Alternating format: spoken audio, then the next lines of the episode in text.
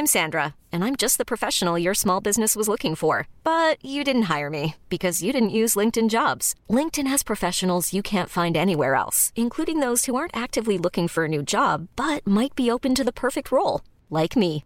In a given month, over 70% of LinkedIn users don't visit other leading job sites. So if you're not looking on LinkedIn, you'll miss out on great candidates like Sandra. Start hiring professionals like a professional. Post your free job on linkedin.com/achieve today. Hei,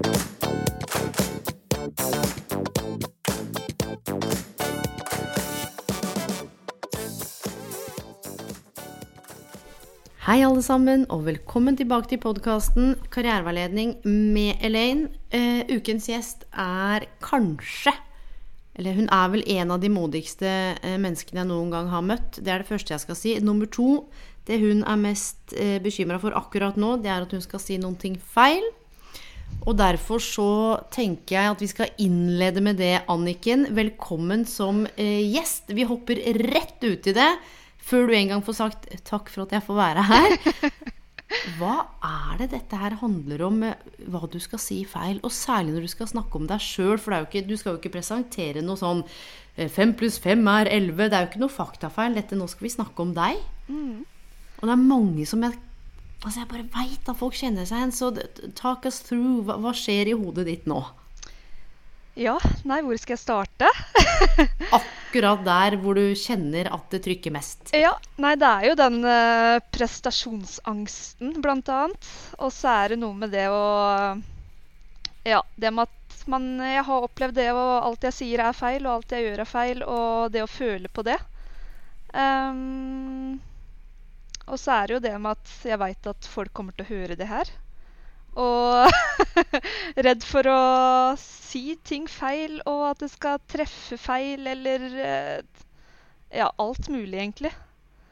Så Vet du hva som er så befriende med deg, Anniken? Det er at du bare sier det sånn som det er. Og så er du så neppe og så ærlig, fordi eh, det er jo ikke alle som eh, kommer til å kjenne seg igjen i historien din. Men alle kan kjenne seg igjen i noe av det du bare beskriver, og den frykten for hva alle andre skal tenke og mene, og hvordan vi fremstår. Og kan jeg spørre deg, dette er det hele tatt før du har blitt kjent med deg, eller egentlig tematikken um, Hvor mye tankekapasitet føler du det har tatt, da? med, med å være oppi alle andres hoder og hvordan den skal fremstå. Hvor mye tid har du brukt på å analysere sånn Å, sa jeg noe dumt nå? Eller har du gått med mye tid til det? det er konstant, faktisk. Eh, og så er det jo med en gang jeg går ut den døra her, eh, av de fire små veggene mine, så begynner jeg å skanne alt mulig. Eh, andre folks eh, energi, kroppsspråk, blikk, eh, omgivelser. Og jeg begynner å skanne alt mulig. Og så er det jo med en gang jeg kommer hjem fra selskaper, og det kan være med familie til og med, eller om det er ukjente som jeg har vært i noen gruppe med, eller på kurs, skole, så tenker jeg med en gang på vei hjem i bilen at OK, hva har jeg sagt nå? Har jeg sagt for mye? Har jeg vært for mye? Har jeg vært for stille? Uh, ja, så uh, Konstant, rett og slett. Har du tenkt på uh, hvordan det hadde vært eh, hvis du ikke hadde med deg det? Det er liksom det ene spørsmålet. Det andre er hva er det det her beskytter deg mot? Eh, det, på det første spørsmålet jeg på si, så tenker jeg at det hadde vært helt nydelig å slippe det. Jeg tror jeg hadde slappa mer av i kroppen. Eh, senka skuldrene. Eh, for jeg går, eller jeg går konstant i sånn eh, freeze-modus, på en måte. Eh, anspent. Og, og når det kommer til det andre spørsmålet ditt, holdt jeg på å si, så er det litt den leiter etter farer, på en måte. Eh, litt i den eh, ja, flight, eh, fight-modus eh, eh, hele tida. Um, Og jeg tenker at det er jo ikke så rart eh, at du er ute og skanner, og at du hele tiden har med deg en eller annen som, som vurderer deg. Altså, ikke sant? Det er både du og en som vurderer deg. Fordi litt eh, kanskje spesielt, og nå snakker jeg ikke om deg, men, men eh, å skulle dele din historie på podkasten som handler om karriere, karriereutvikling, karrierevalg. Fordi du har jo rett og slett levd i et eh, voldelig parforhold, du. Mm. Over flere år. Ja. Og så, har du, så var det noe i deg som gjorde at du eh, faktisk kom deg ut av det. Mm. Og jeg tenker hvorfor jeg har lyst til å ha det med. Det er mange ting, men den ene handler om at eh, jobb og karriere, utdanning, kan ikke ses som isolert fra andre arenaer i livet. Hvordan vi har det med de nære og kjære og ikke-kjære, eh, påvirker eh, vår opplevelse av verdi, hva vi tenker vi kan bli, hva vi tenker vi kan gjøre, hvem vi blir da, i møte med hverandre og på jobben.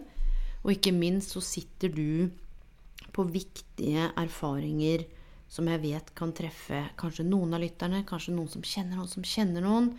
Eh, Så kan du by på noen refleksjoner eh, innenfor en tematikk av et område hvor jeg er ganske blank. Det er lov til å si det. Jeg skal ikke påberope meg å være noen ekspert. Jeg kommer til å eh, spørre om ting som kanskje er, jeg vet ikke om det er upolitisk korrekt, og så sier du du, det der kan du ikke spørre om, det der vil jeg ikke inn i. Em, så kan ikke du bare gi lytterne en sånn kort Hvis vi skulle titta litt på karrierehistorikken din først, da. Ja. Og så komme inn på en måte i tematikken. Hva gjorde du typ etter altså ungdomsskolen, videregående? Hvor, hvor havna du hen i jobb- og karriereverden da? Ja. Eh, det begynte, jeg husker i 10. klasse. Da var jeg i sånn praksisperiode, og da jobba jeg på Gina Tricot, en klesbutikk. Og så på videregående så endte det jo med at jeg fikk jobb eh, på Gina Tricot. Så jeg jobba der noen år. Eh, og så blei jeg spurt eh, i matbutikk. Så det er jo der den lengste på en måte karrieren min har vært. Eh, jeg jobba vel der på Spar i syv-åtte år. Eh, og det var jo også gjennom hele det forholdet jeg var i. Men de siste åra der så begynte jeg å ta studier som barnehagelærer òg. Eh, nettbasert. Fire år. Eh, og da begynte jeg jo også å jobbe i barnehage ved siden av. Eh, så jeg gikk jo studier, jobba i matbutikk eh, og jobba i barnehage. Eh, så jeg har på en måte alltid jobba, og jeg har vært veldig nøye på det at jeg vil klare meg sjøl. Jeg har ikke lyst til å være avhengig av andre. Og så er det jo litt den eh, at eh, det er på en måte et krav til at man må ta seg en utdannelse. At eh, Ja, og det kjenner jeg jo litt på nå òg, da. Eh, nå som jeg endra litt, eh, tok nytt studie igjen eh, før det siste året i 2022, så tok jeg, har jeg jo tatt eh, personlig trenerutdannelse ved AFPT. Og der tok jeg jo kostholdsveileder og som mentaltrener, da. Um, Og det er der vi møttes. yes. Og jeg husker hvor du satt, og jeg husker at det var noe med deg. Og bare Åh, husker du jeg sa til deg? Du hadde noe så sånn rolig og mildt og fint over deg. Og så begynte vi å jobbe med verdiene, og så eh, får hun jo tak i litt sånn små drypp, da. Mm. Eh, før vi satte oss ned liksom, eller, og snakka sammen. Og så delte du jo også historien din med gruppa. Og så har du også stilt opp eh, i Sandefjord sant, og holdt foredrag. Ja. Hva het den Instagram? Hva var det for noe? Eh, det var Feministisk initiativ eh, som eh, tok kontakt med meg. Og de skulle ha et foredrag om dem, for det var jo markering av, eh, av avskaffelse av vold mot kvinner. Eh, så da had, sto jeg vel en halvtimes tid, tror jeg, inn i det foredraget og fortalte da min historie. Eh, ja, for å få et ansikt på på at det er ekte, og at eh, det skjer overalt. Og det er det her jeg har lyst til Det er flere grunner igjen til hvorfor jeg har lyst til å ha deg med, men du sa noe til meg, husker jeg òg, for vi snakka jo om at du skulle ha det foredraget. Og da sa du sånn Tenk deg liksom hvis ingen tror meg. Altså skal opp der og snakke om å ha, ha, ha eh, opplevd det du har opplevd. Eh, og en ting er liksom frykten for nervene og hva skal man si, men mer i at folk skal tenke sånn du, du driver bare og ljuger. For det har jo vært en reell bekymring. Mm.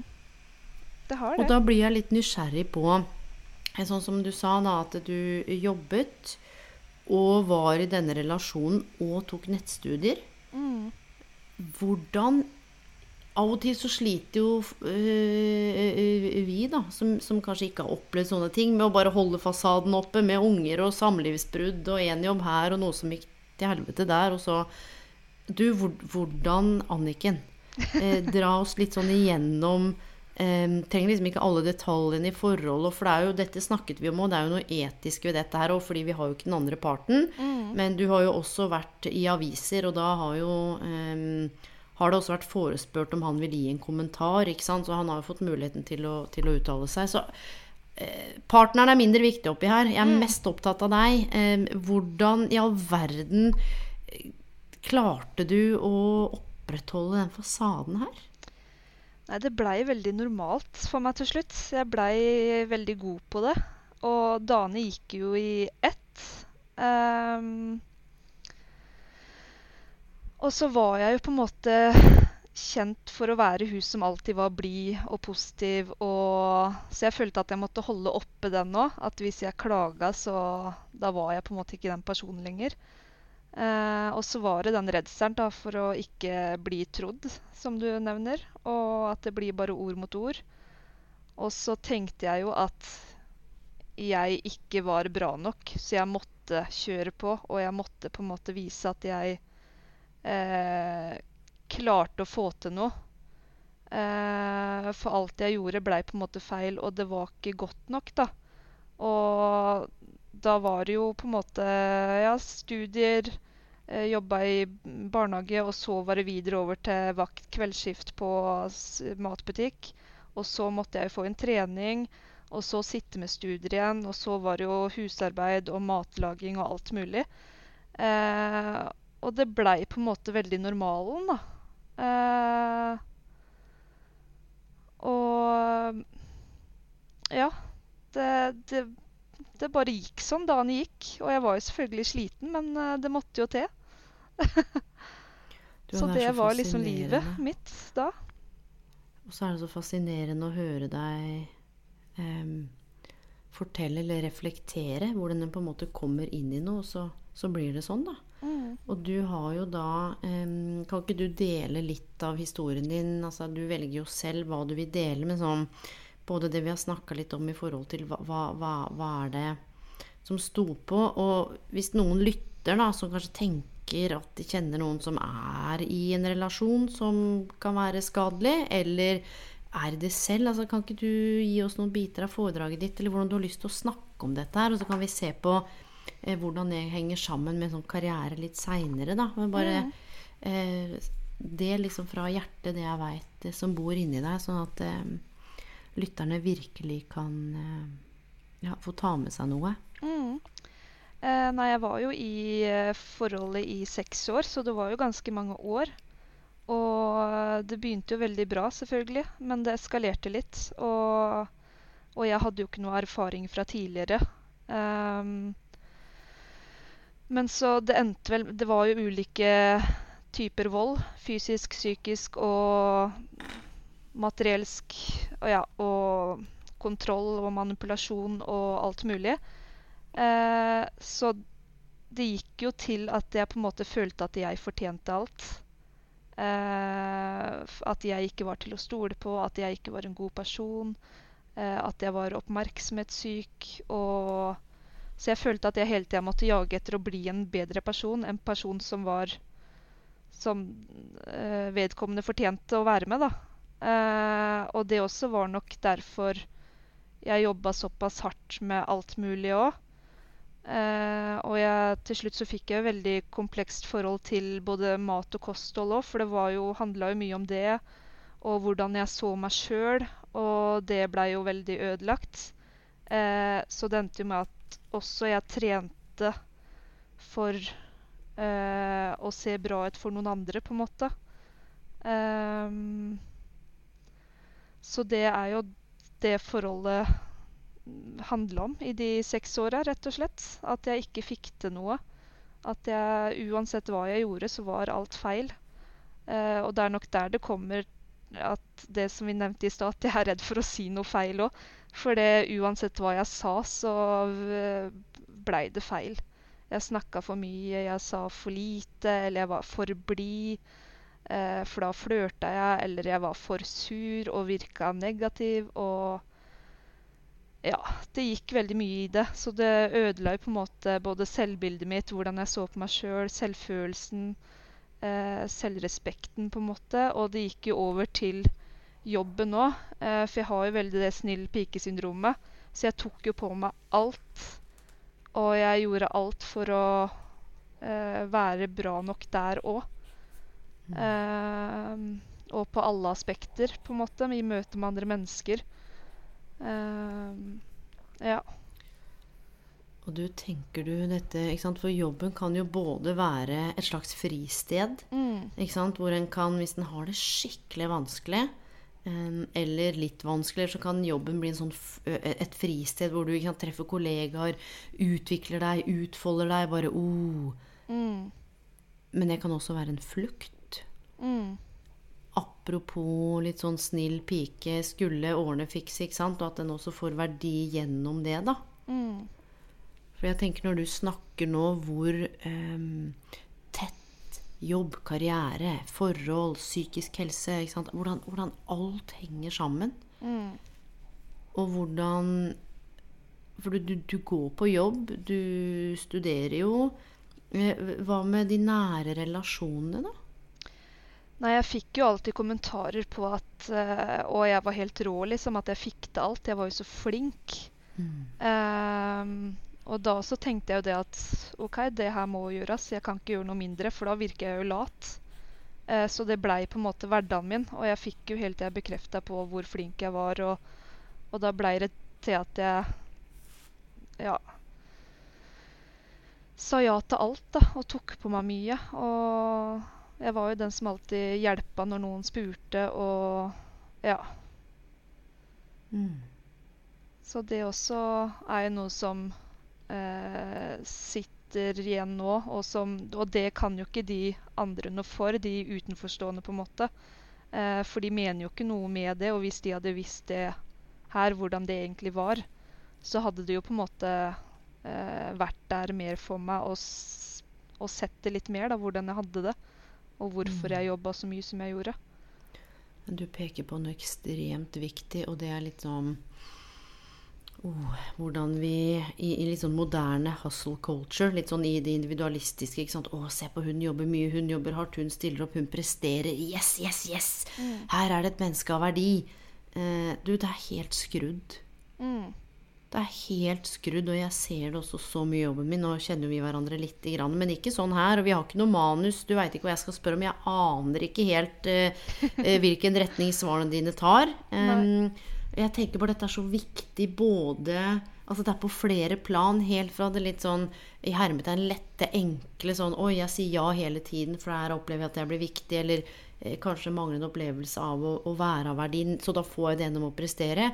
Til For mange tenker Og nå skal jeg si en ting som jeg vet at en del tenker, og jeg skal bare si det rett ut, og så kan du si sånn Fy fader at du spør om det. Hvorfor er det ikke bare å gå? når man lever i et forhold som For det er det ofte Ja, men hvorfor bare går man ikke? Akkurat mm. som det er en sånn derre Du, nå skulle du bare skifte bukse, så bare hent deg en ny en. Det er jo komplekst, og jeg blir nysgjerrig på nå i ettertid mm. og underveis, for du, du har jo gått. Du bestemte deg. Mm. Hva er det som gjør det så vanskelig? Det er den uh, manipulasjonen. Den er så sterk at det er nesten vanskelig å forklare. Men jeg tenkte jo sånn uh, før, da. Uh, så tenkte jeg sånn Hvis det er noen som legger en eneste hånd på meg, eller er respektløs mot meg, så er det over og ut. da kan du bare ryke, holdt jeg på å si. Men når du er oppi det, og den manipulasjonen, som sagt, så blir det så vridd om at jeg følte at jeg fortjente det.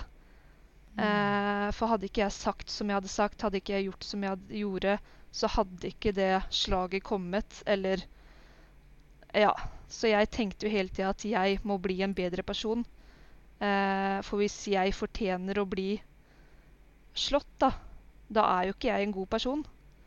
Eh, så jeg tenkte veldig Det også var jo noe med at uh, ja, jeg jagde etter å bli stort på, da. Uh, og at jeg skulle være bra nok og ja, rett og slett en bedre person. Uh, og når du går ut da, og, og har blitt slått Mm. og, ja, da Både som du sier til det psykologiske og, og liksom volden. Og du går ut, og har du synlige merker? Altså, må du, må du lyve for omverdenen? Er det noen som ser det? Altså, eh, må du passe deg? Eh, det var ikke noe synlig. Eller det var jo en gang eh, som nesa mi fikk et lite knekk. Eh, så jeg har jo hatt to operasjoner i ettertid. Eh, men da sa jeg jo til alle at det var fotballskade eh, til familien min. Og, og det var heldigvis den tida jeg fortsatt spilte litt fotball. For jeg slutta jo etter hvert med å spille fotball òg, for det var jo selvfølgelig guttelag og alt mulig sånn på det, i den klubben. Så det skapte litt problemer, det òg. Ja. Ja. Uh, så da skyldte jeg på det. Um, ja. Så, men det var jo på en måte veldig mye sånn håndflate, at det ikke blei noen merker. Eh, og så Og så som sagt så skjulte jo jeg det fordi han var veldig på at det er mellom oss, på en måte. Også i tillegg at det var jo min skyld, så jeg fortjente det jo. Eh, men igjen så tenker jeg jo i hvert fall i mitt tilfelle, da, for det er jo mange andre som opplever det her. Det skjer jo overalt. Og det er jo enda mer fysisk torturering. Det foregår jo overalt, dessverre. Men i mitt tilfelle så ville jeg på en måte heller tatt et slag til enn alt det psykiske. For det er jo det som sitter igjen eh, med tanker og, om meg sjøl og hvordan jeg ser ut, bare. Og for det også var jo noe med at eh, når jeg tok av mange kilo, da eh, For jeg trente jo hver eneste dag. Eh, og da også fikk jeg jo flere kommentarer fra andre, da. Bare 'Å, herregud, så fin du har blitt'. Mhm, Eh, mhm. og da også tenkte jeg jo det at OK, han hadde jo rett. Jeg så jo ikke bra ut. Så det var jo bra jeg gikk ned de kiloene, for da Ja. Og det også er jo sånne ting som sitter veldig igjen, da. Eh, Mm. Jeg, så jeg må fokusere på det. Nå har jeg begynt å få litt det sunne, sunne forholdet til trening og kosthold. Men med en gang jeg- det sitter veldig igjen at jeg må se sånn og sånn ut. Og ja, for andre. Jeg kjenner jeg får lyst til å begynne å grine, ass. Ja. Si det rett ut. Jo, men jeg blir rørt. Det er sånn A, jeg syns det er modig som deler. B, jeg er også nysgjerrig på når du hører deg sjøl snakke om det her høyt nå, er det som om det er et annet liv? At det er en annen Anniken? Eller er det på en måte den samme Anniken som forteller? Altså, for jeg vet at når du snakker om det, så er du i det, men når du snakker om det, hva, hva, hva skjer med deg da? For du sitter jo ikke, sant, og strigråter, du er ganske samla. Em, er det sånn at du, det er såpass bearbeida nå at du snakker på en måte fra hodet, eller er det sånn at du, oh, du kjenner Hvordan er det når du snakker høyt om det? Hva foregår i deg da? Eh, jeg, det er jo litt sånn som eh, jeg nevnte da på det mentaltrenerkurset, at det, så, det syns jo ikke utad. Men jeg sitter jo her med hendene skjelver, og Ja, det, det jeg føler jo at pulsen er der oppe. Men, eh, men jeg tenker også at det føles ut som alt det har vært en film, liksom. Det er sånn du ser på film. Mm. Eh, så det er noen ganger at nest, det slår meg litt noen ganger. Bare fy fader, jeg har faktisk opplevd det. Og så er det andre ganger når jeg prater om det, så bare har det her egentlig skjedd. Eh, så det er litt sånn der mindfuck, hvis det er lov å si. Det er lov å Eh, si. Eh, men så der, når jeg hadde det foredraget f.eks., så tenkte jeg gjennom alt, og jeg gikk ordentlig inn i det, og hva vil at folk skal sitte igjen med, og hva vil har få ut av det. da. Så jeg skrev på en måte litt tankekart. Eh, og da er det bare sånn Ja, det har jo skjedd, det har jo skjedd, alt har jo skjedd. Um, Mm. ja. Og de som lytter nå, da, som du sa eh, hva, hva er det du vil at folk skal sitte igjen med, liksom? Hva, hva skal en gjøre som pårørende? Hva skal en gjøre sjøl? Mm. Eh, da det på en måte gikk litt opp for meg, da, det var jo det siste året. Eh, da gikk jeg på en skikkelig vegg. Eh, og da blei jeg jo sjukmeldt og starten på et magesår og alt mulig sånn. Eh, så da måtte jeg jo holde meg litt i ro, da. Men da begynte jeg faktisk å søke litt på nett. Eh, for da fikk jeg jo mye tid hjemme. Og så merka jeg at jeg hadde det ikke bra. Og så tenkte jeg sånn, det er jo ikke normalt å ikke ha det bra i et forhold. Det er jo ikke sånn her folk har det, håper jeg. Eh, så jeg begynte å sø... Jeg hører, det, det, føles så dumt ut å si det nå, men jeg googla sånn Hva er et normalt forhold? Eh. du, så, så, nydelig. Og du, det er jo bra. Og det er liksom litt sånn flaut å si òg, men det dukka jo opp mye, da. Og jeg kjente meg jo ikke igjen i noe av de sunne forholda. Eh, nei, det sto jo på en måte det med respekt og hvordan man prater til hverandre på, og alt mulig sånn. Så jeg, og så kom det jo opp fortellinger om Nå skal jo ikke jeg stemple han som noe, for det veit jo ikke jeg. Men det som kom opp, var på en måte historier om narsissister, psykopater og alt mulig sånn. Nå sier jeg ikke at det er det han er, for det Ja. Men så begynte jeg å lese mange historier eh, til andre som hadde vært i usunne forhold. Og da var det mye jeg kjente meg igjen i. Og så tenkte jeg sånn OK, det her er jo ikke normalt. Jeg skal ikke sitte igjen med de tankene og følelsene her. Eh, så det var vel da jeg også begynte å snakke mer med søstera mi òg. Begynte å si sånne småting. Og det reagerte jo hun veldig på. Eh, at OK, det her er jo ikke normalt, Anniken. Men hun er egentlig et veldig godt eksempel på hvordan noen kan møte deg, eller hvordan du skal bli møtt. For hun begynte å passe veldig på meg, sendte mer meldinger, lurte på om jeg ville bli med på ting, komme og besøke og tur. For det hun har sagt i ettertid, var at uh, hun skjønte at hun ikke kunne presse meg.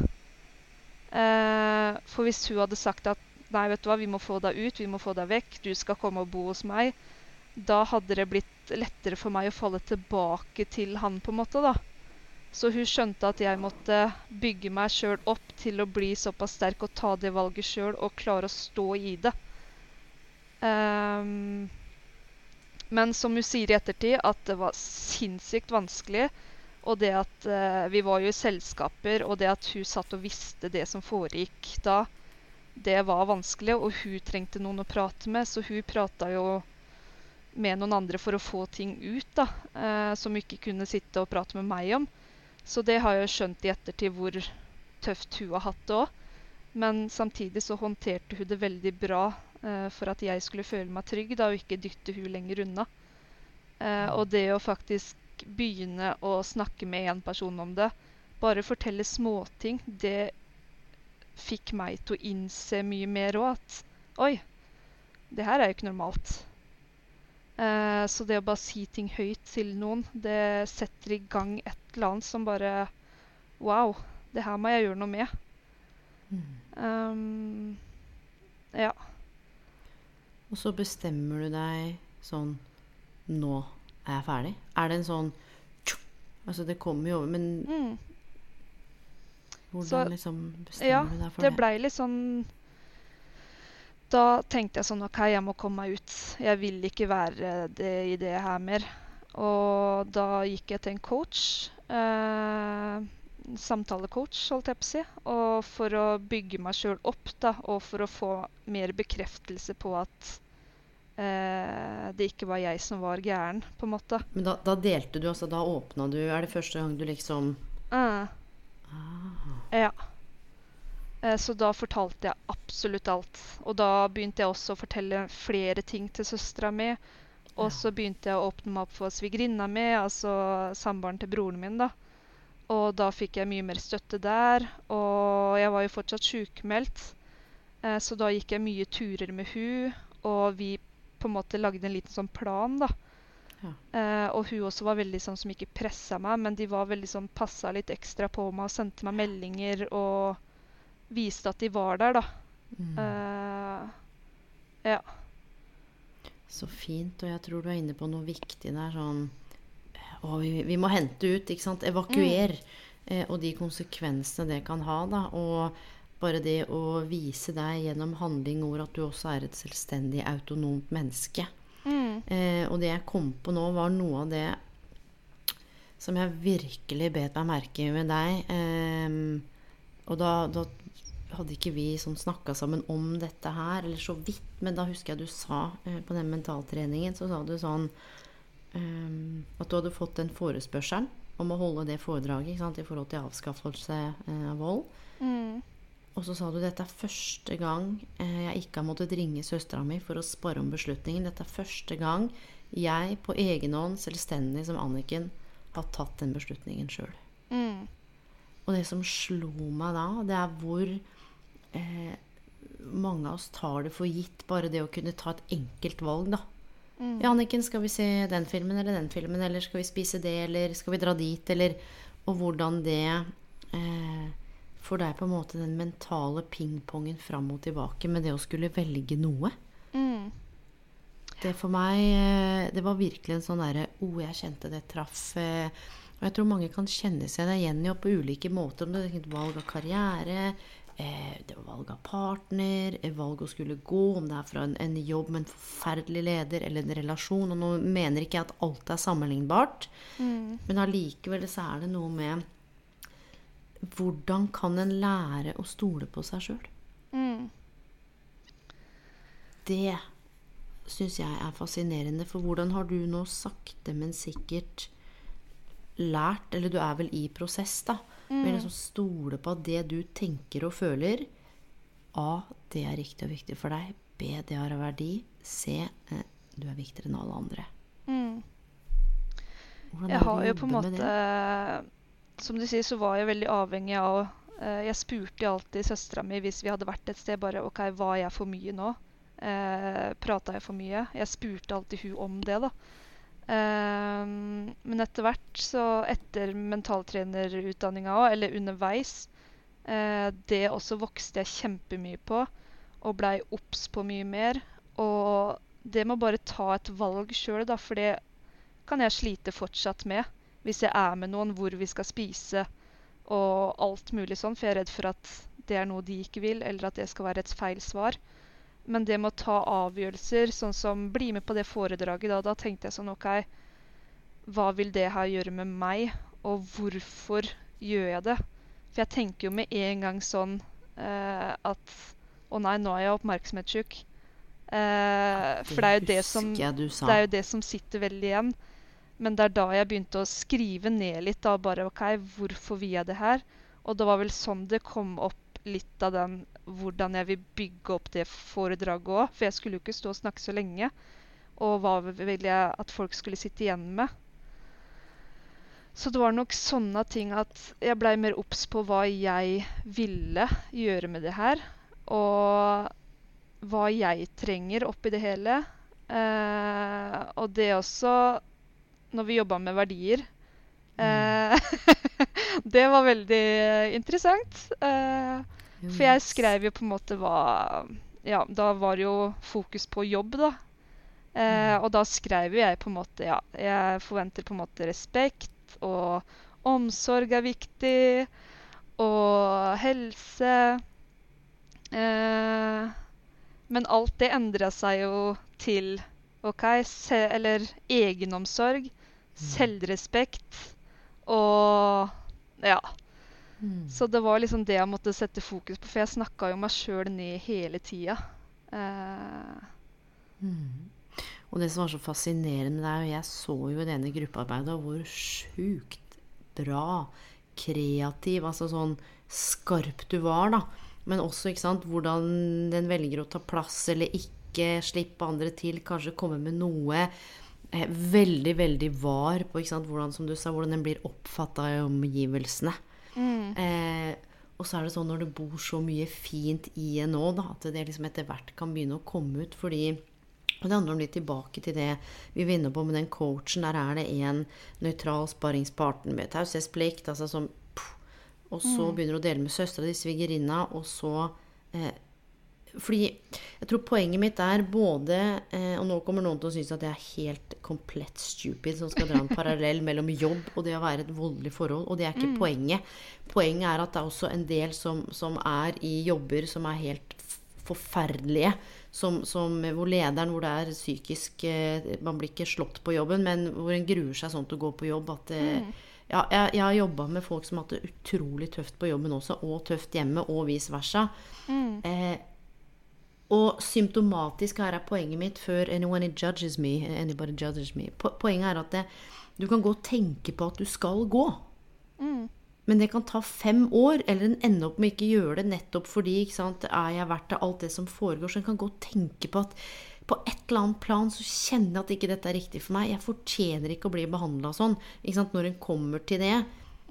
Men så klarer en ikke gå allikevel. Nei. Eh, og poenget mitt er at du, du, finner jo motet til å gjøre det. Hva, hva, er, hva er det som skjer fra at en tenker sånn Dette her, alt er min skyld, og til at Nei, nå har jeg bestemt meg. Eh, nei, det også er jo litt av hvordan Jeg har tenkt mye mer på hvordan jeg vil ha det. Eh, og det også har jo vært med jobb nå, for jeg gikk jo rett tilbake i ny, full stilling som PED-leder og alt mulig. Og jeg har alltid elska den jobben. Og, men så jeg, ble, jeg var så utslitt, og når jeg kom hjem fra jobb Jeg hadde null energi, men jeg sto i det og tenkte at nei, det, folk blir, det er ikke bare meg som er sliten etter en arbeidsdag. Og, så jeg bare fortsatte og måtte på en måte bare stå i det. Og jeg tok jo på meg alt på jobben, og Og det blei veldig mye, så det endte jo med at jeg bare OK, nå må jeg gjøre noe. Eh, så jeg søkte jo hjelp òg. Så jeg har jo, for noen måneder siden så begynte jeg hos terapeut. Og da fikk jeg jo også diagnosen eh, kompleks PTSD. Eh, Og det også hjalp meg egentlig å forstå at de ettervirkningene som jeg har hatt, da, de er normale. For jeg tenkte jo at det er bare jeg som må skjerpe meg. Nå er det bra, på en måte, for nå er jeg ute av det. Nå kan jeg gå videre med livet. Eh, men da også skjønte jeg at grunnen til at jeg ble så utslitt på jobb, var fordi jeg ga veldig mye. Og det er veldig mye ansvar, og det trigga meg veldig. For jeg var konstant redd for å ikke klare å utføre oppgavene. Eh, samtidig klare å gi nok omsorg til barna. Og den balansegangen der. Og det med at eh, tålmodigheten min nå endra seg veldig. Og jeg gikk til slutt hjem hver dag med dårlig samvittighet. Eh, for jeg følte ikke at jeg klarte å gi det ungene trengte, da. Eh, for for meg så Et lite skrik eller et lite hyl eller en liten konflikt Og det også er så rart å tenke på, for det er jo mellom toåringer liksom, som jeg var med da. Det trigga meg så at jeg gikk rett tilbake til å bli skriket opp i fjeset og alt mulig sånn. Så det trigga meg så at jeg gikk på tå hev på jobb òg. Eh, og var i den derre flight-modusen, på en måte. At jeg ville bare rømme eh, og bare bort. Men så måtte jeg jo bare stå i det, for den jobben Det er jo et stort ansvar, for det er liksom Mhm. barn du har ansvaret for. Ja, selvfølgelig. Eh, så da også skjønte jeg at nei, vet du hva, det her kan jeg ikke mer. Så jeg blei jo da sjukmeldt og bare fokuserte på at OK, nå har jeg startet den behandlinga her, og nå kan jeg ikke Nå må jeg fokusere på meg sjøl. Jeg kan ikke gi de det Jeg tenker sånn at før jeg kan være god mot andre, så må jeg være god mot meg sjøl òg. Først. Um, Du, det er så viktig, det. Det er et sånt saying som sier sånn eh, Du kan ikke gi bort det du ikke har. Nei. Og det betyr ikke at ikke du for bare det, sånn, sånn som jeg har blitt kjent med Herregud, så varm og omsorgsfull og sånn og mild og jeg ser for meg de barna. Ikke sant? Men det å komme til den innsikten og bare sånn Oi. Du, jeg må stoppe. Jeg må sette grenser. Ikke sant? Apropos karrierehelse, det å ta vare på seg sjøl og mental helse og alt det. Um, jeg syns jo at du er sjukt modig.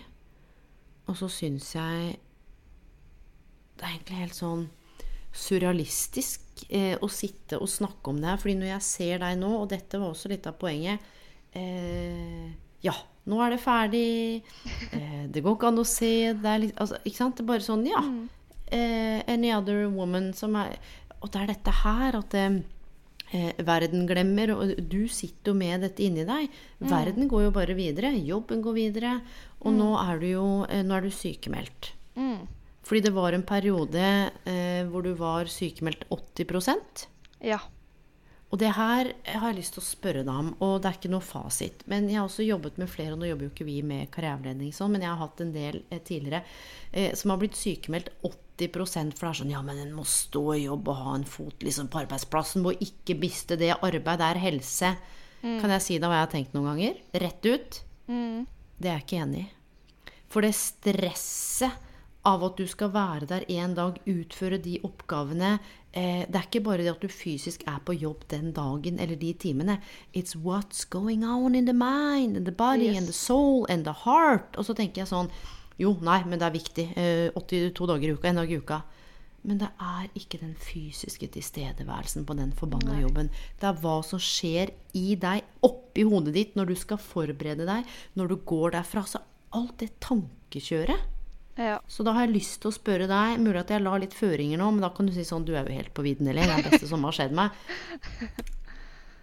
Jeg syns ikke alltid det henger helt på greip. Jeg vet ikke hvordan du opplevde det. Nei, det er også Du har helt rett i det der. For jeg også tenkte jo sånn eh, at nå må jeg bare ta full sykemelding og fokusere kun på meg sjøl. Ja. Men så mente jo også legen min at jeg burde beholde en dag for å ha den foten innafor, sånn som du nevner. så da følte jeg det at OK, da må jeg det. Eh, og jeg fikk jo høre andre også si det, at hvis jeg går bare hjemme, da, så blir det en litt sånn lavere terskel for å begynne på jobb igjen. Eller en høyere terskel, mener jeg da, for å begynne på jobb igjen. Uh, så jeg husker jo det når jeg snakka med deg òg, og når du spurte meg om det at uh, om det én dag på jobb, liksom. Jeg var jo nesten på gråten da. For jeg grua meg jo allerede den helga til å dra på jobb på den onsdagen. Mm. Og det er derfor jeg hadde jo... lyst til å ta det opp. Fordi ja. uh, uten at vi liksom hadde en lang avhandling, så tenkte Vet du hva. Jeg skal jo ikke tenke for andre, men når jeg jobba med det her i 13 år, betyr ikke at jeg skjønner og veit alt, men jeg tenkte sånn For at det er jo noe som det er noe med kroppsspråket. ikke sant? Det ene ting er mm. ordene. Jo da, det går fint, og nå har du noe å snakke Men så blir jeg sånn This doesn't feel right. Nei. Og hva det skaper deg, istedenfor å si sånn Du, nå er du 100% sykemeldt i tre måneder. Mm. Bare slapp av. Ta mm. deg fri oppi hodet. Ja. Um, for nå er, er, du 100% sykemeldt nå? Jeg er 100% sykemeldt. Men det også er jo noe med det at du blir noen uker sykemeldt av gangen. Og det skjønner jeg at det er sånn det er, på en måte. Ja, ja. Men det også legger jo et press at OK, nå nærmer det seg at de ukene er over. Og da begynner spørsmålet, spørsmålet, å komme igjen. Da bare ja, når begynner du i full jobb? Når kommer du tilbake? Og er du klar den dagen? Og det også er veldig sånn stressende at det egentlig bare forlenger tida. Mm. Og jeg skjønner jo at arbeidsgiver og de på jobb også har en kabal å legge opp, så jeg har jo full forståelse for det.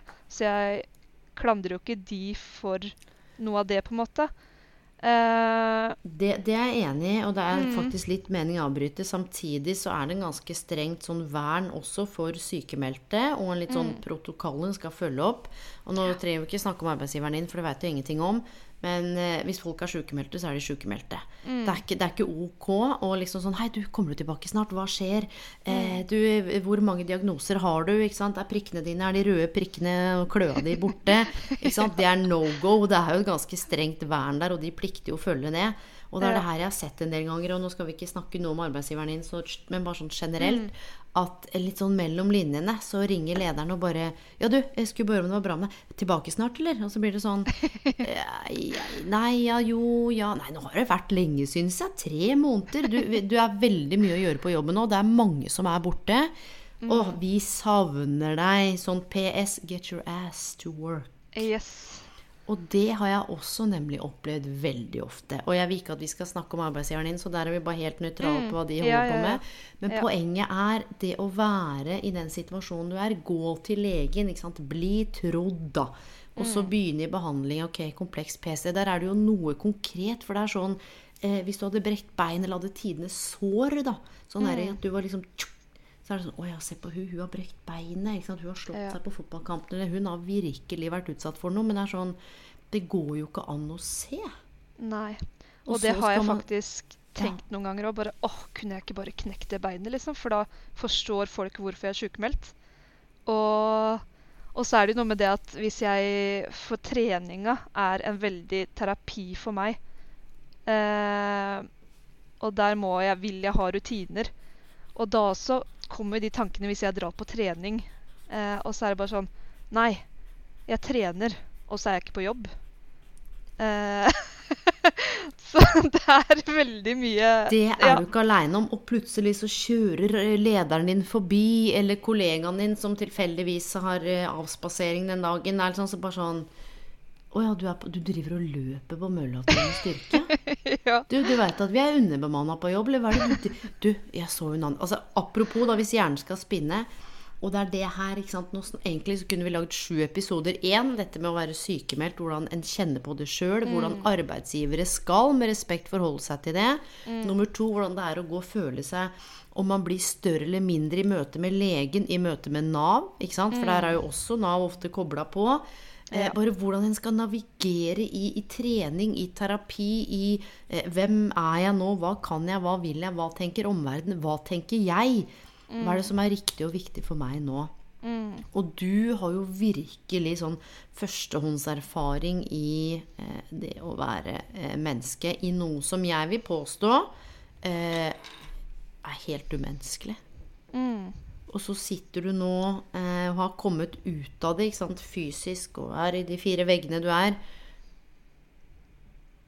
Men det betyr jo ikke at du er ferdig. Nei, absolutt ikke. Og det er det som er litt av poenget òg. Apropos vi skal knytte det også opp mot karriere, karriereutvikling. Hvordan eh, innvirker det her da, på karrierevalg, opplevelsen av verdi, eh, hva du tror er mulig, altså hvem du er? Har du tenkt noe på koblingene der? Absolutt. Eh, jeg tenker jo med de utdannelsene jeg tok eh, med PT og mentaltrener og alt mulig sånn, og det gjorde jeg jo egentlig mest for min egen læring og, og utvikling der. Eh, samtidig som jeg har tenkt med de erfaringene jeg har nå, da, fra eh, forholdet og alt mulig, at jeg vil velge å se på det som erfaringer, sånn at jeg kan bruke det til noe positivt og hjelpe andre. Um, og det er jo derfor jeg sa ja til å være med i det foredraget. Og det er derfor jeg sa ja til å bli intervjua av avisa. Nettopp for å kunne hjelpe de som ikke kanskje har muligheten til å kunne stå fram, da. Og, og vise på en måte mennesker at det er så mange der ute. Men også vise de som står midt oppi det, at det er håp. Du kan klare å komme deg ut, og du kan klare å på en måte ja, bli sjef i ditt eget liv igjen, da. Eh, for der også har jeg fått mange tilbakemeldinger på at å herregud, nå jeg er midt oppi det, og jeg har jo et barn og alt mulig sånn, og, men nå når jeg hørte deg og leste om deg, at du har kommet ut av det etter så mange år, da fikk jeg også et håp om at jeg kan komme ut av det.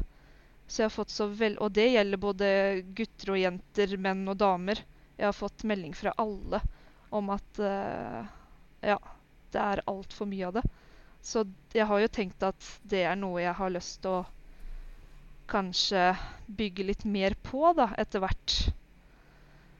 Um, For det gir jo meg veldig mye òg, og det hjelper jo meg i min prosess òg. Eh, og jeg tenker sånn nå at uh, det har jeg faktisk tatovert på armen nå. 'Turn the pain into power'. Eh, ja. Og jeg liker at du er så, du er så reflektert og så klok og Det bare slår meg hvor heldig vi er, da.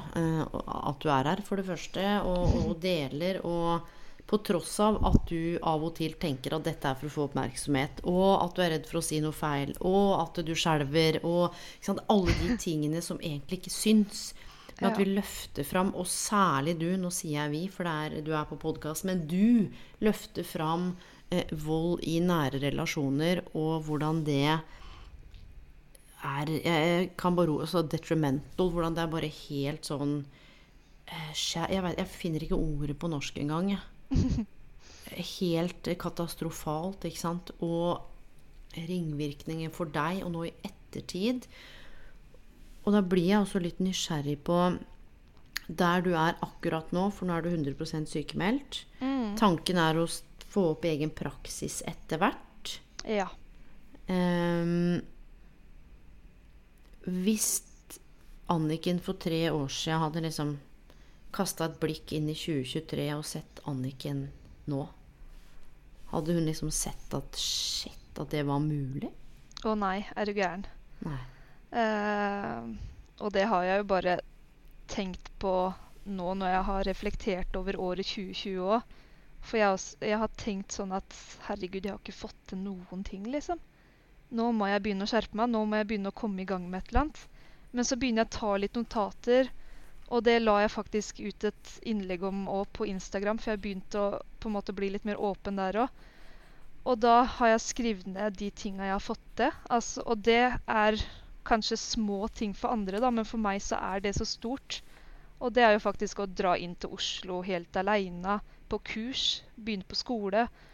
Og jeg dro til Geilo helt aleine på AFPT Weekend. Um, og jeg holdt et foredrag, sa ja til det. Og sa ja til Bare det å si ja til deg da, med å sitte foran klassen og ha en liten samtale der, eh, det hadde jeg aldri gjort bare for ja, i fjor og for halvannet år siden. Og så ja. Og tenk deg den vanvittige eksponentielle utviklinga, og tenk deg nå, Anniken, 2023 til 2026. Mm. Liksom sånn, hva, Hvis du ser for deg Anniken, da, tre år eldre, eh, 2026, vi snakker sammen, og du ser tilbake på nå, Mm. hva tenker du har skjedd da? Nei, jeg tør liksom ikke helt å tenke på det heller, for det ligger liksom litt baki der og gnager om at jeg vil liksom ikke sette meg for høye mål heller, for jeg er fortsatt for redd for å ikke klare å nå de. Eh, men når jeg tenker på den øvelsen vi hadde, den med drømmeren, kritikeren Ja, ja, og Walt Disneyen. Ja, det der. Så tenkte jeg sånn Når jeg skulle på en måte drømme da, og bare kaste ut ideer, da, da kom jeg først ikke på noe. Men plutselig så var det bare sånn Herregud, å holde flere foredrag og bli med på ditt og datt, og kanskje ha tatt noe mer videreutdanning, og kanskje ha begynt med å virkelig hjelpe andre mennesker da, med det de står i.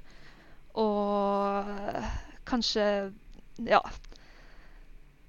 Så Og så tenkte jeg bare på Å, tenk å kunne gitt ut en bok, f.eks. For, eksempel. for jeg har tenkt mye på det, og jeg har jo søkt så mye etter eh, artikler eller bøker.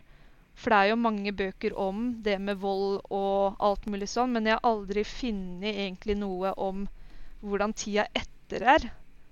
Eh, for det er jo så veldig usynlig, eh, og blir ikke alltid satt så veldig stor fokus på. Men kanskje jeg ikke har søkt så nøye på det. Men det er det Eller kanskje, litt. Anniken, at du har helt rett. At du Ja. sikkert har søkt ganske så godt. Hæ? Så det er ikke sikkert at det er du som ikke har søkt ordentlig. Det er bare det at det, det er lite litteratur på det. Og kanskje noe Ja. av litteraturen er i sånn gjemt oppe i forskningsskyen et eller annet sted, hvor du må ha tilgang til noen av disse bibliotekene. For det er helt sikkert forska på et eller annet sted. Mm. Um, det betyr ikke at det er sånn allment tilgjengelig.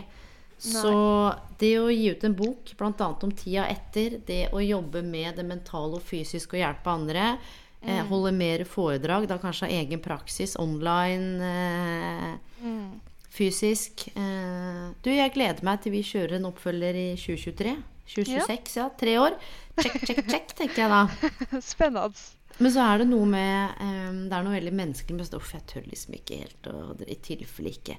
Da tenker jeg du, det er helt fint det, å være Ja. der òg. Vi trenger liksom ikke Å jo, kom igjen, og vi bare Men det ligger der, og nå er jo du, som du sa, med eh, ikke sant, kompleks eh, det, det er jo ikke bare bare det. Det er jo flere ting her. eh, som du løfter fram, som gjør at for omverdenen så er det sånn Ja, men nå kan du begynne å jobbe. Du ser jo helt fin og fresh ut, og du er jo trener, så yes. 100% jobb, da. Og det siste liksom, jeg har lyst til å adressere Vi har snart snakka sammen en time, vet du. Og det er ikke du, det er ikke du, skal jeg bare si med en gang.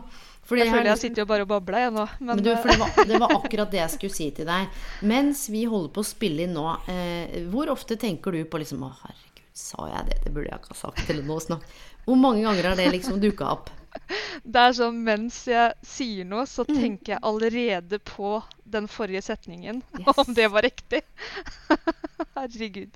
Er ikke det gøy å kunne si høyt? Jo, men vet du hva? Jeg er litt sånn når- vi, når vi kaster lys på trollet, så blir, da kan vi ikke le litt av det sånn slemt, men liksom bare sånn Ja, eh, det å faktisk sitte og svare på noe og tenke sånn oi, oi, oi. Og så Mm. være på neste. Du, for det er jo veldig sånn splitta oppmerksomhet. Mm. Og det er jo det som er fascinerende. Eh, Men jeg hadde lyst til å si én ting. Så eh, fremtidige arbeidsgivere nå altså, det, er, det er jo noe skam rundt dette her. Nå skal ikke jeg si at alle kjenner det, men det er også jeg, litt sånn det var skam, og jeg ble slått av vinsj, eller eh, litt sånn skam når en havner i noe. Nå sier jeg havner. Eh, som eh, kan være vondt og vanskelig, da. Mm. Hva tenker du eh, Hvis du skulle gått på et intervju nå Her er det ikke noe fasit. Mm. Og så har du hull i CV-en, som da er gull i CV, ikke sant? fordi livet skjer. Så hull i CV-en, det er sånn åh. Um, og så lurer de på ja, hva Sier du har vært sykemeldt i perioder. Kan du Og så har du ikke fylt ut noe. Det står verk. Hva, det, hva ville du kjent på da? Hadde du sagt sånn, du, jeg har levd i et voldelig forhold og kommet meg ut. Så yes, eh, neste spørsmål. Eller hvordan, hvordan eh, gjør en det? Nettopp fordi det handler også om karriere og jobbsøk. Og det er ikke alltid så lett eh, å i et intervju eller i møte Å hva, å ja, du har vært borte, ja. Ja, eh, holdt på å komme ut av et voldelig forhold Skjønner. Eh, Hvordan gjør man det? Jeg merker jo det allerede nå når, folk, når jeg møter nye mennesker og de spør eh, ja, hva jobber du med, liksom. Da er jo ikke jeg der at jeg sier nei, vet du hva, jeg er sykemeldt akkurat nå. Jeg, jeg sier jo det, nei, jeg er utdanna barnehagelærer. Det er liksom det jeg sier med en gang. Og jeg føler det blir på en måte litt sånn skambelagt. Eh, og ikke klare å være i en jobb. Og det å ha det på en måte hullet i CV-en, da. Eh, for det er jo liksom sånn jeg føler eh, samfunnet er litt. At du skal være i full jobb, og du skal klare sånn og sånn og sånn. og sånn. Men nå så er jo realiteten, realiteten det at jeg her, nå henger en vask foran meg, liksom, som jeg skulle egentlig bretta for tre dager siden. Og for å være helt ærlig, da. Så det er liksom Ja, det er veldig sånn Prestasjon, prestasjon føler jeg veldig på. Uh, Mm. ja. Du, jeg liker ikke at det er sånn, jeg. Nei, ikke jeg heller.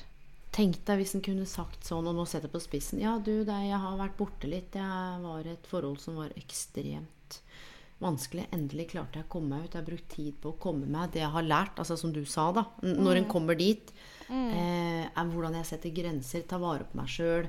Eh, og så bare no further questions. Eller at du egentlig ikke skal måtte svare på det, men em, det er et eller annet her som jeg tenker eh, sant, Skam, hull i CV-en, eh, psykisk helse. mm. Hvorfor er det ingen som løper i hamsterhjulet 100% og ser på hva du gjorde før? Og det der å tillate seg å være human.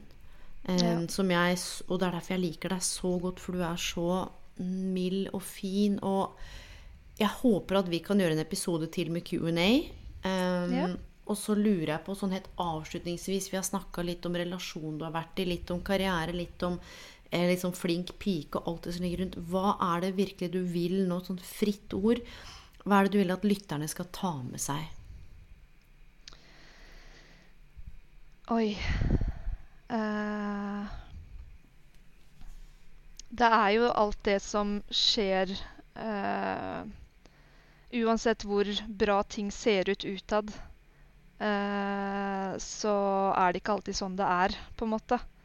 Eh, man veit aldri hva eh, personer har å deale med, eller eh, hva de tenker. Så det er litt den ikke på en måte dømme noen, da. Eh, når du ikke veit egentlig hvem de er, eller kjenner noen. For man veit aldri hva andre sliter med. Og det kan være hvem som helst. Eh, og så er det noe med det Det er jo derfor jeg velger å være litt åpen om det òg. At folk ikke skal føle seg så aleine uh, om det å f.eks. være sykemeldt og ja, at vi er flere, da. Um, ja. Og så har jeg lyst til å si at du for meg eh, representerer håp og fremtidstro. ja. Takk. Ting kan virke mørkt og vondt og vanskelig, og det er nesten ja, Det er så vidt liksom, det er lys i tunnelen. Kanskje ikke det engang. Mm. Um, men på tross av så finnes det andre som har kjent på, som føler på at den egentlig ikke er aleine om å være sykemeldt, om å føle seg helt jævlig.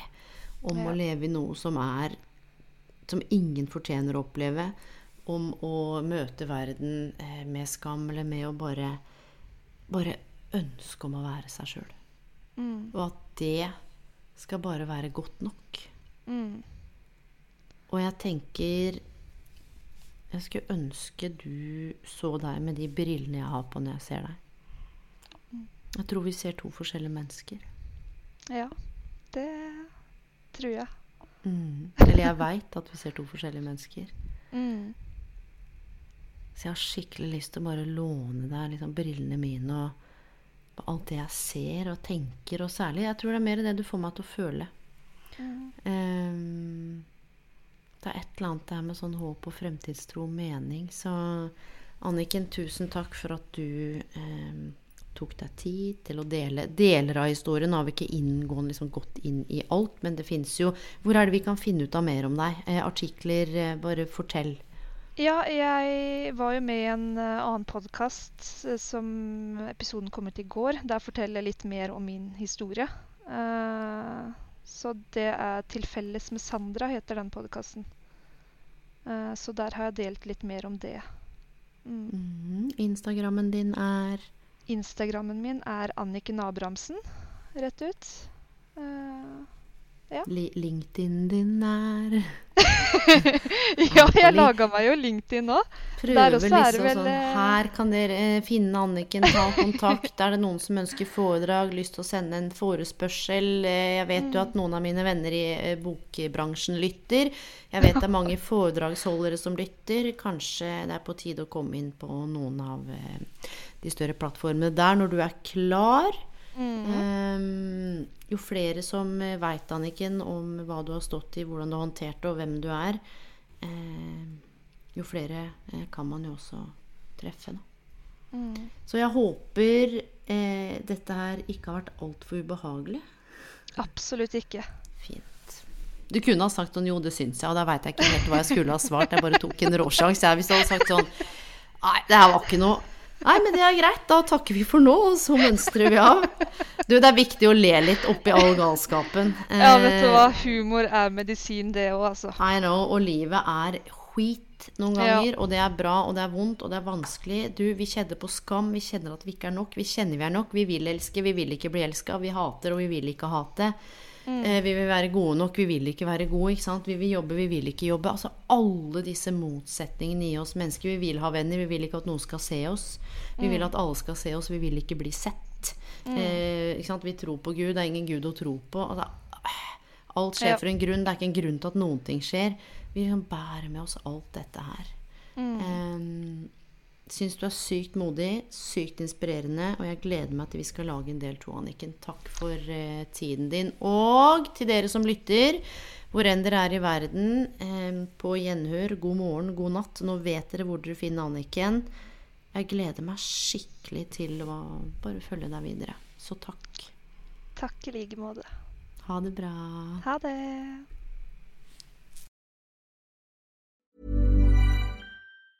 Ever catch yourself eating the same flavorless dinner three days in a row? Dreaming of something better? Well, HelloFresh is your guilt free dream come true, baby. It's me, Kiki Palmer. Let's wake up those taste buds with hot, juicy pecan crusted chicken or garlic butter shrimp scampi. Mm. Hello Fresh. Stop dreaming of all the delicious possibilities and dig in at HelloFresh.com. Let's get this dinner party started. My business used to be weighed down by the complexities of in person payments. Then, Tap to Pay on iPhone and Stripe came along and changed everything. With Tap to Pay on iPhone and Stripe, I streamlined my payment process effortlessly. Now I can accept in person, contactless payments right from my iPhone. No extra hardware required. What's truly remarkable is how I can cater to all of my customers' payment preferences.